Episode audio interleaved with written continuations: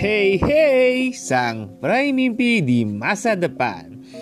Kembali lagi nih bersama saya Eleos Deophilus dalam podcast saya yang bernama What's on My Mind by IT. E Entah apakah yang sebenarnya telah terjadi. Hari demi hari berlalu sangatlah cepat. Apakah aku siap menghadapi setiap perubahan yang ada?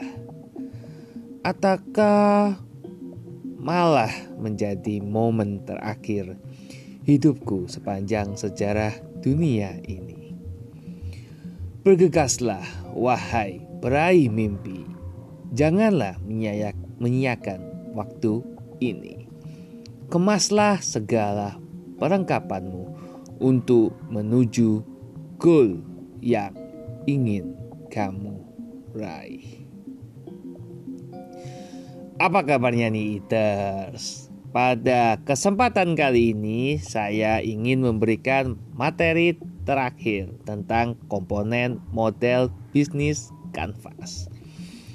Pada episode sebelumnya kita sudah berbicara mengenai visi, proporsi nilai, pelanggan, hubungan dengan pelanggan, saluran pelanggan. Nah, sekarang kita akan membahas mengenai sisanya, yaitu mitra kunci, biaya, dan pendapatan. Tanpa panjang lebar lagi, yuk simak ya. Jadi, yang pertama, mitra kunci. Apa itu, Kak? Jadi bagi yang lupa, mitra kunci yaitu bahan, alat, perlengkapan, karyawan, dan lain-lain. Lalu contoh agar bisa diterapkannya bagaimana kak? Pengeluaran harus eaters belanjakan untuk apa agar bisa menjalankan bisnis eaters dengan sukses. Apa saja biayanya? Dengan siapa saya harus bekerja agar bisnis saya sukses?